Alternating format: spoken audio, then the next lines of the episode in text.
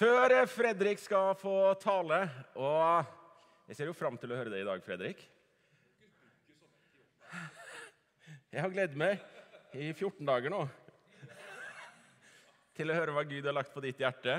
Men det som jeg vet, da, er jo det at du får lov til å stå i hans sted og tale det som han har lagt på ditt hjerte.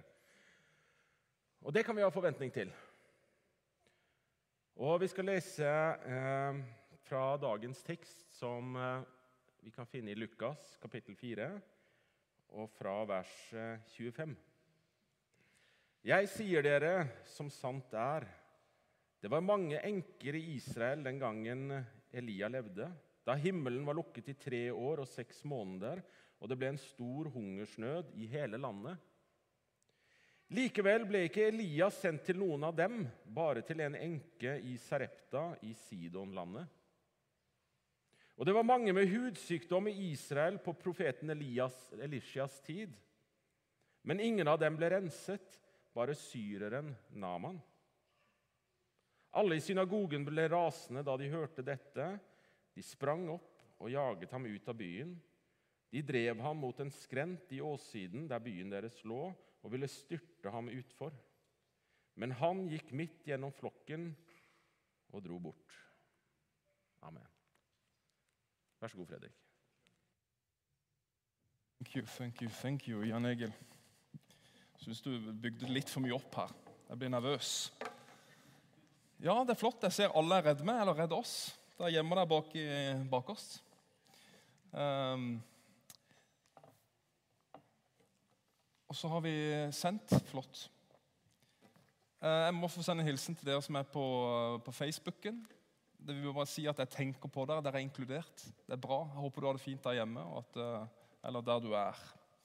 Eh, Vi er kommet sammen for å høre Guds ord og for å bli inspirert til å leve livet. Og eh, Jeg har noen spørsmål. Første spørsmålet mitt er liker du opera. Åh, det var Noen, noen sier nei. Ja, det er noen delte meninger om opera. Eller Jeg syns jo Pavarotti jeg synes jo han var flott. Operasangeren der. Det- Meninga er det at eh, i dag blir det opera til dessert. Ok? Så du, Hvis du er glad i opera, så kan du bare glede deg. Og Grunnen til at vi trenger dessert, det er fordi middagen i dag blir ganske tung. Så jeg håper du er klar. Eh, Forrige gudstjeneste så, så innleda jeg denne taleserien 'Sendt', eh, som, eh, som er på en måte fokuset for eh, det neste året vil jeg si, i menigheten. At Gud sender oss. Og Da spurte jeg spørsmålet ser du stort nok på livet ditt. Og Jeg skal bare ha en sånn liten recap eller uh, uh, oppsummering eller hva jeg skal si, av det jeg sa den gang. For Kanskje var det et unødvendig spørsmål. for Du ser allerede stort nok på livet ditt. sant? Du har jo den flotte jobben din, og kanskje har du drømmehuset ditt. Kanskje har du til og med hytte eller båt på sjøen. Du er gift med den deiligste kona. ikke sant? Du har de nydeligste barna. Det er mye storhet i livet. Kanskje har du den perfekte og den mest normale og akseptable BMI-en også. Body mass, et eller annet, eh, som sier litt om hvor du er i helsa di. Kanskje det er masse stort i livet ditt. så om du ser stort ja, det er klart du gjør det. Det er masse å takke for i livet. Men skal vi snakke om storhet, eller måle storhet i livet vårt, så kan vi ikke snakke om bare hva vi har, eller hvordan vi lever. Vi må snakke om hvorfor vi lever. Så Vi snakka mye om hvorfor sist. Hvorfor gjør vi det vi gjør? For i svaret på hvorfor Ikke bare hva og hvordan, men svaret på hvorfor. I det svaret der, der finner vi motivasjonen din, drivkraften din, ja, hensikten din med det livet du lever. Men mange sliter med hvorfor. Det er, liksom, det er så stort og komplisert. Jeg er jo enig i det. Men som en av vennene mine sier, som liksom 'Fredrik, nei, jeg begynner, vet du, hvorfor?' og liksom, åh, orker det ikke. Liksom, jeg bare, kan, kan vi ikke bare leve som alle andre, på en måte? Ja, Så da følger vi bare normalen istedenfor som de fleste andre. Vi følger strømmen uten å vite helt hvorfor. Vi bare gjør det fordi alle andre gjør det. Det er som ungene mine sier. 'Pappa, alle andre gjør det.' Normalen er det vi følger uten å vite helt hvorfor. Men utgangspunktet for denne serien er ikke normalen i samfunnet. Men vi må se vårt liv i lys av at vi er disipler av Jesus. Kanskje sitter du her eller der hjemme er ingen disipler av Jesus. Greit, du er hjertelig velkommen til å lytte uansett. Men jeg er her for å undervise de som ser på seg sjøl som en disippel. En etterfølger av Jesus. Det betyr jo egentlig å være en lærling. Sant? Man vil lære av Jesus. Man vil gå hans vei. Og De fleste av oss her inne har gitt vårt liv til Han som herre i livet. Og Derfor så søker vi ikke samfunnsnormalen, men vi søker på svaret på hvorfor vi lever i Guds ord. I Hans svar. Ok? Det var det vi gjorde forrige søndag. Og Da lærte vi at Gud sender sin sønn til oss som var fortapt, oss mennesker.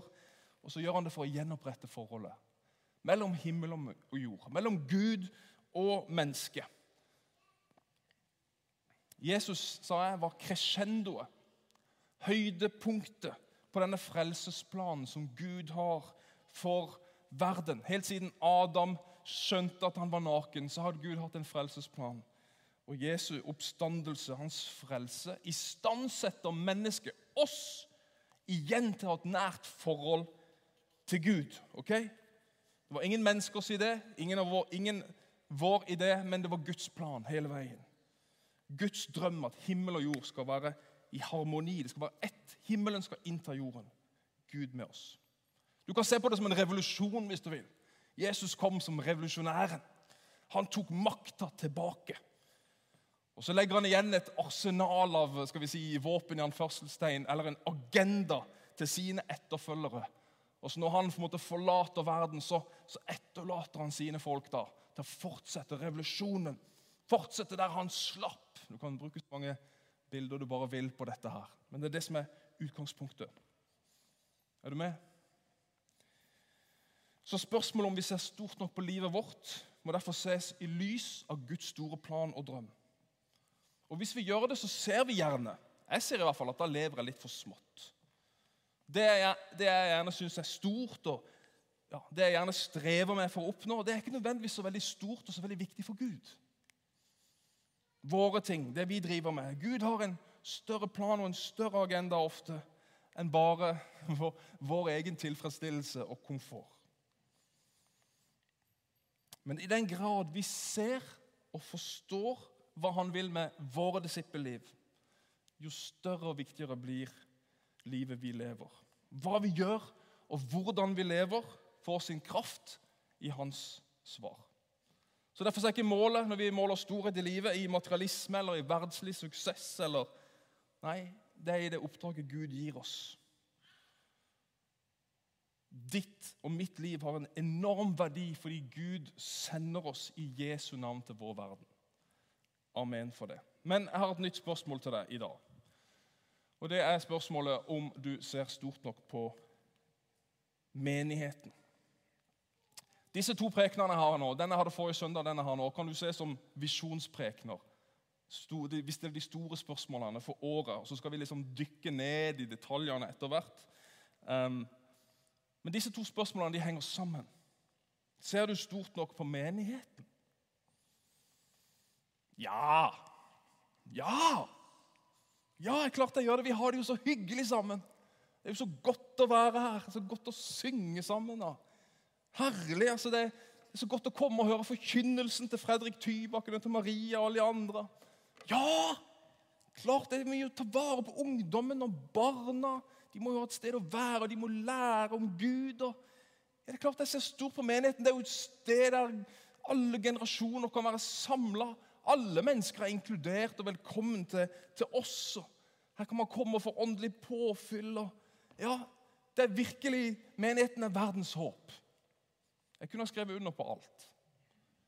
Ja, men kanskje tenker du Nja Menigheten Nja, det er ingen som ser meg. Nei.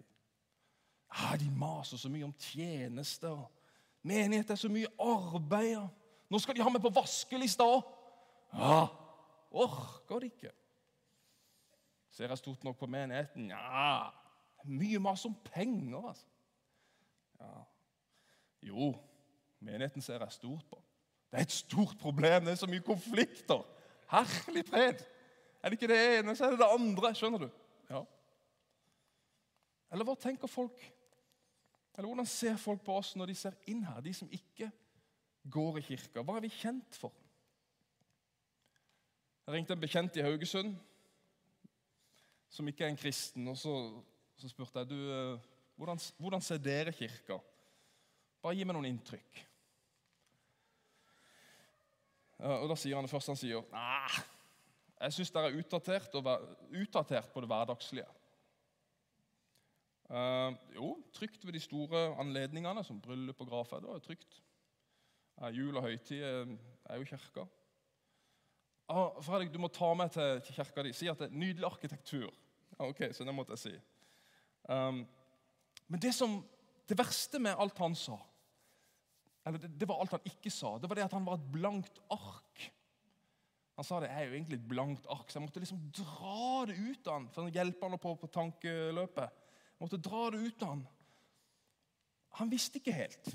Han hadde ikke så mye å si. Mannen lever 200 meter fra ei kirke. Og han kjenner meg.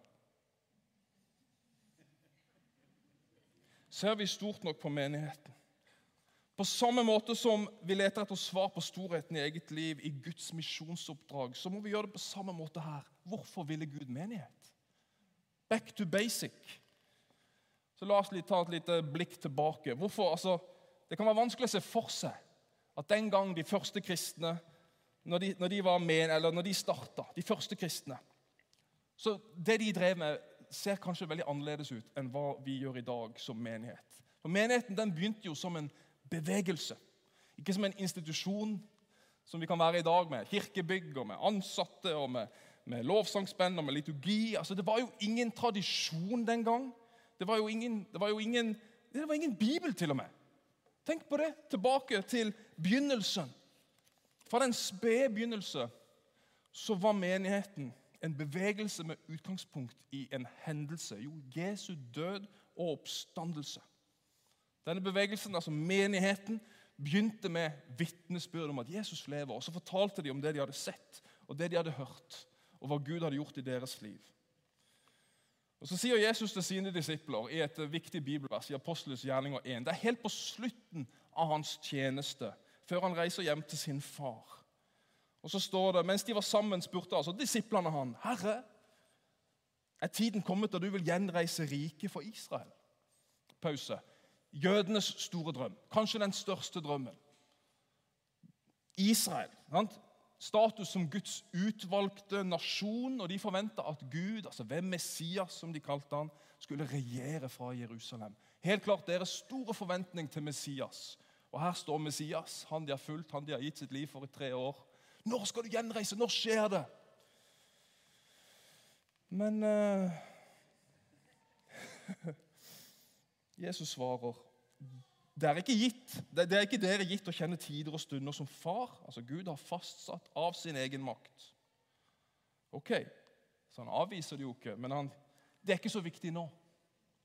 Det er ikke så viktig nå. Jeg har tro på Israel, og det er mange her også som ser på meg med stramme blikk nå. fordi en dag så skal det skje noe i Israel, det vet vi. Men ikke nå, og ikke den gang heller. For hva er det Jesus sier som er viktigst for menigheten? Hans disipler. Og det gjelder oss i dag. Og da kommer det, Men dere skal få kraft når Den hellige ånd kommer over dere, og dere skal være mine vitner i Jerusalem. Og så nevner han disse stedene. Så hvorfor menighet?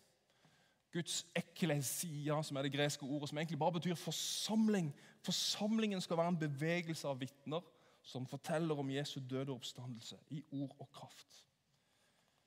Men så tok det jo ikke så veldig lang tid. For denne dynamiske bevegelsen av kristne ble en institusjon. Hvis du løper 300 år fram Det går fort, og, og, eller, det, det, går fort men det er, det er lang tid.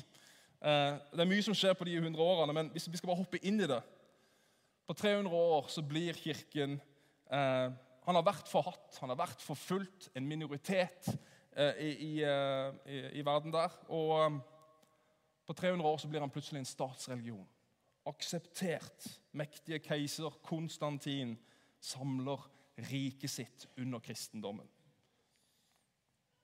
Og Da gikk vi fra en forsamling av vitner til institusjonen kirke. Ok? Ordet kirke sånn som vi kjenner det, kommer fra tyske ordet 'kirche'. jeg vet ikke, noe sånt, som opprinnelig betyr Guds hus. Med andre ord et hellig sted. Og Som du kanskje skjønner, så beveger altså denne menigheten seg fra å være vittner, en forsamling av vitner til et sted der Gud er. Ting skjer over tid. Ok? Vi går for å være et, en forsamling av vitner til et sted der Gud er. Det er nærmest som vi går tilbake til Det gamle testamentet, hvor, med tempelet og der hvor Gud var. Men var det sånn det skulle være? Jeg skriver en parentes her, for jeg, liker, jeg liker, ikke å liksom skryte av Jehovas vitner. Alle kjenner Jehovas vitner. Men de har jo faktisk valgt navnet på sin menighet, da, som kanskje er det beste navnet. Jehova er jo et annet ord, det hebraiske ordet for Gud. Guds vitner heter de. Det er jo det vi skal være. Ikke bare kirke. Guds hus. Men etter Konstantin, kjapt, så går årenes løp. og Du som kjenner litt kirkehistorie, i hvert fall den europeiske, så blir kirka ja, et svært hierarki. Han blir rituell. En myndighet, ikke minst, med masse makt. Og han blir innadvendt. I verste fall utadvendt med sverdet i hånd. Du skal være en kristen hvis ikke sånn. Helt absurd. Kan du tenke deg hvordan årenes løp bøyer på mye av det Jesus underviste. Kirken hadde monopol på Gud. Gud var for oss, ikke for noen andre. Heldigvis kommer Martin Luther og andre av disse revolusjonærene og bryter på monopolet. Men altså starten, vitnesbyrdet, fødselen av kirka på, an, på um, Apostles gjerninger kapittel 2, på første pinsedag Den hellige ånd kommer, som Jesus har lovd, faller over disiplene. Hvorfor? For at vi skal kjøre sterke, karismatiske menigheter inn i kirkebyggene våre. Nei. Og Det er så tydelig og klart i Apostels gjerninger 2. Vi tar det ikke med her nå, men hele verden er til stede. Jøder med alle slags språk.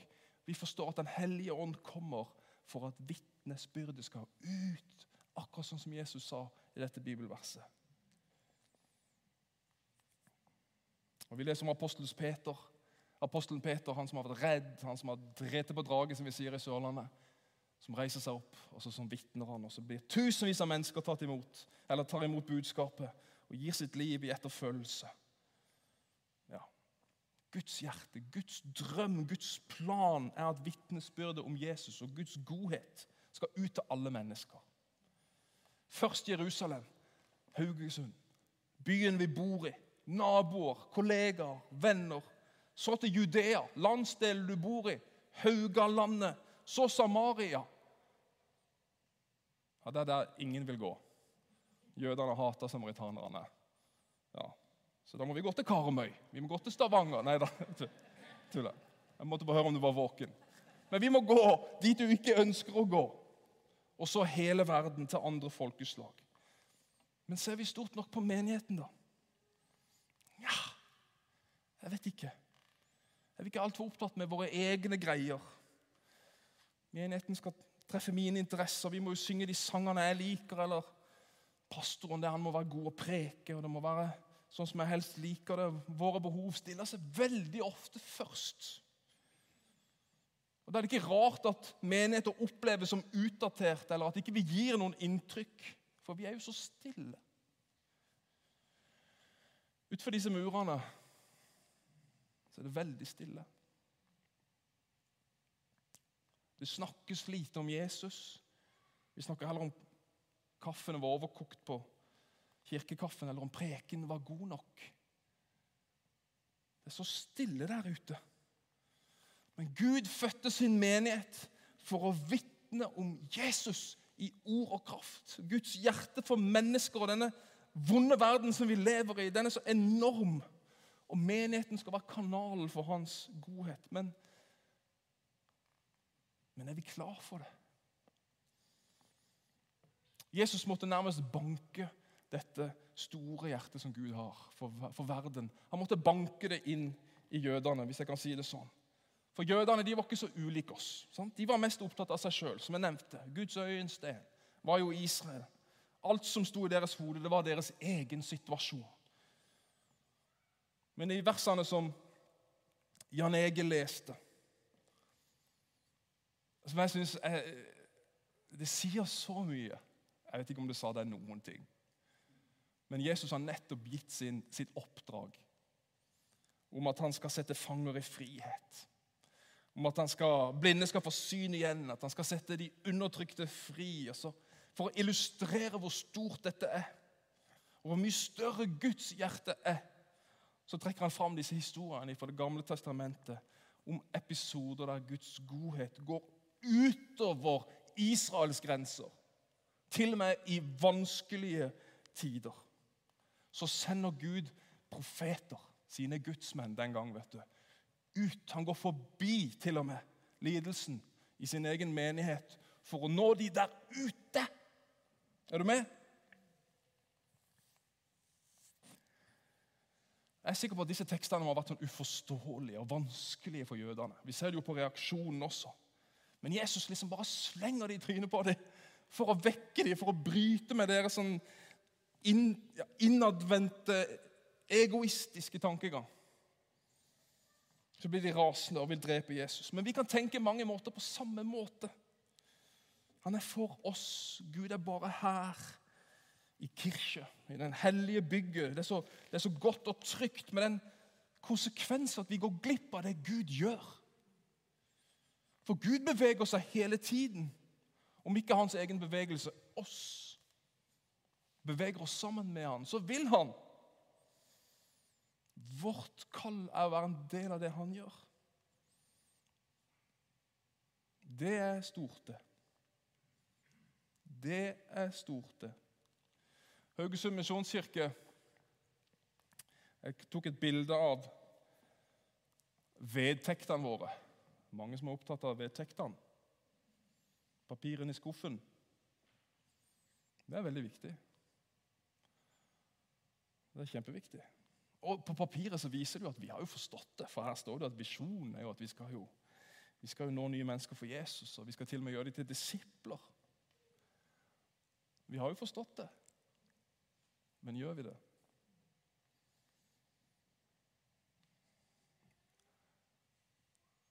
Burde det prege oss mer? Har vi noe å lære av Gud?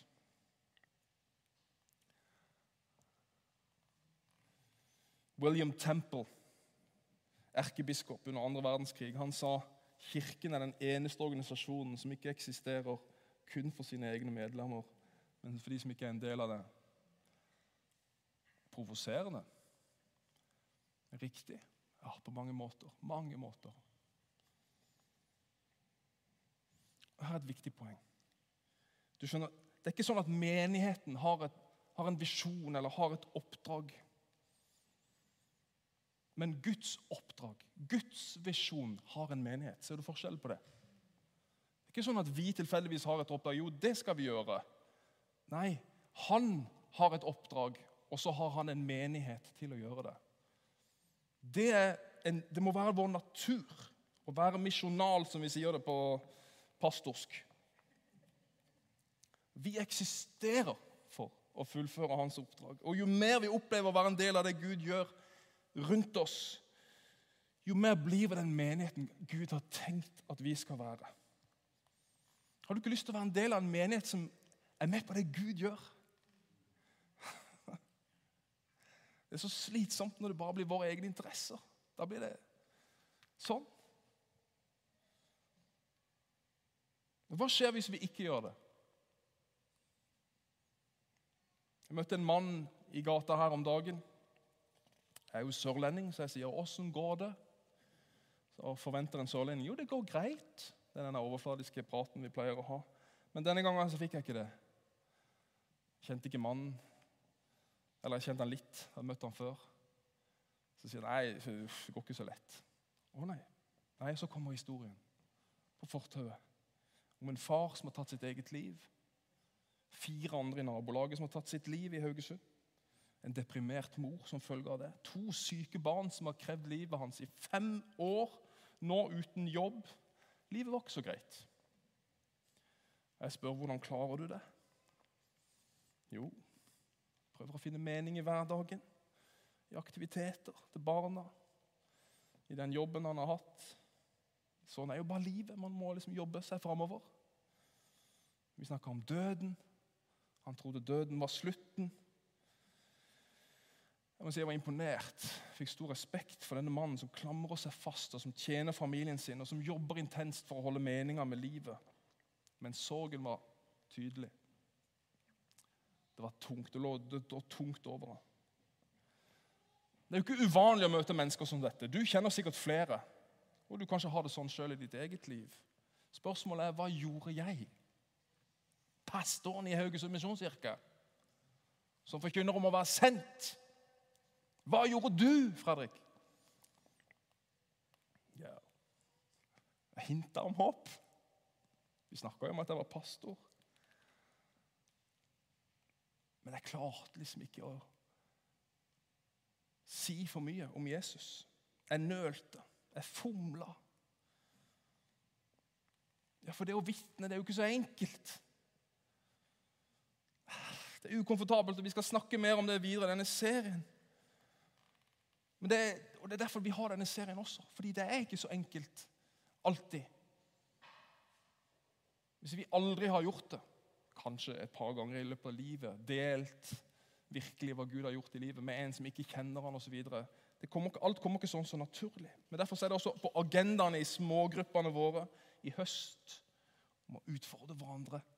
Gjøre noe litt ukomfortabelt for å hjelpe oss til at Jesus skal slippe mer igjennom eh, i livet vårt. For Det handler ikke bare om en preken på søndagen. Det handler om at vi må endre kulturen i menigheten for disse tingene. Og det, Hva er kultur? Jo, det er jo måten vi lever på. er det ikke det? Derfor må vi snakke masse om dette og utfordre hverandre og sette mot i hverandre. For Poenget er at vi må ikke tie! Vi må ikke tie. Vi kan ikke bare, vi kan ikke bare tenke 'kom til oss'. Det er jo det som er tanken. ikke sant? Kom til oss. Ja, vi har jo det flotteste bygget her på Haugalandet. Kom til oss. Se alt vi gjør. Se hvor god Gud er. Inn i bygget. Nei, vi må ut og fortelle. Og Hvis ikke vi er en synlig kirke på Haugalandet, hvis ikke vi engasjerer oss med en stemme og med tjenestevillighet i samfunnet vårt, hvis ikke vi taler for de som sliter, eller løfter for de som faller, hvis ikke vi tjener mennesker der ute Hvis ikke vi gjør det, så er vi i verste fall ikke en del av det Gud gjør. Og hva er vi da? Et bygg? En forening? Guds hus? Really? Jeg regner med du ser alvoret. Og Kanskje er du enig. Det må du gjerne være. Men vi som menighet skal fullføre det Jesus starta. La meg avslutte med Puccini. Giacomo Puccini. Du kjenner han? Komponist. Mest kjent for operaer. Da han fikk kreft som ganske ung, så bestemte han seg for at nå skal jeg skrive mitt livsverk. Komponistelevene hans sa nei, nei, mester, du må ikke, ikke gjøre det. Du må bruke tid med venner, du må hvile, du er syk. Nei, jeg skal skrive dette. Og hvis ikke jeg blir ferdig, så er det opp til dere å skrive det ferdig. Dere må fullføre den. Puccini han døde før operaen ble skrevet ferdig. Og Da hadde elevene hans to valg. De kunne sørge over tapet over sin fantastiske komponistmester. Gå tilbake til hverdagslivene. Noe de vurderte, men nei. De valgte å bygge videre på det han hadde starta. Derfor, i 1926, i La Scala Opera House i Milan, så blir Puccinis opera fremført for første gang. Turnandot. Og Under fremførelsen, så, når de kommer til den delen av operaen hvor Puccini har dødd eller han har slutta å skrive, så snur dirigenten seg til salen, fullsatt sal i Milan. Og så sier han at eh, Gråt kvalt, visstnok. Det er sann historie. Eh, dette er hvor vår mester Puccini stoppet. Og Så løfter han etter hvert hodet med smil om munnen. Og så sier han, Men dette er hvor hans venner fortsatte. Og Så snur han seg til orkesteret igjen. Og så drar de i gang resten av operaen som de har skrevet. Menighetens oppgave er å fullføre operaen. Og trofast gjøre det Jesus gjorde. Han vil fortsette å skrive sin historie gjennom våre liv. Hans forsamling. Så tenker du ja, Puccini han kjenner jeg ikke. Men jeg er ganske sikker på at du har hørt denne arien før. Nå skal vi høre den, og så skal jeg si litt etterpå. Så kan du lytte.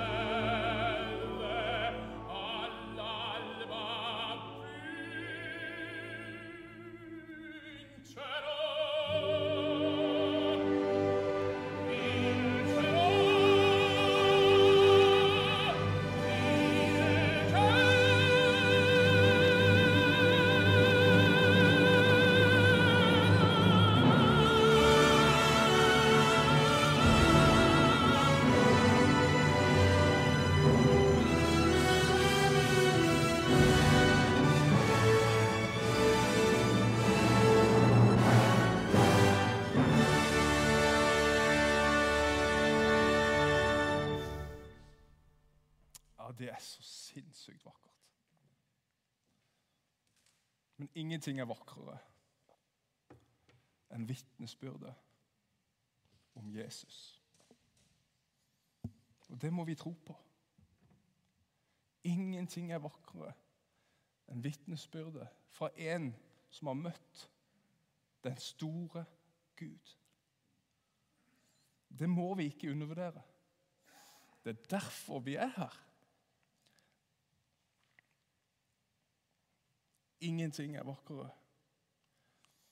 Men ser vi stort nok på menigheten og grunnen til at han har født menigheten og gitt oss menigheten? Amen.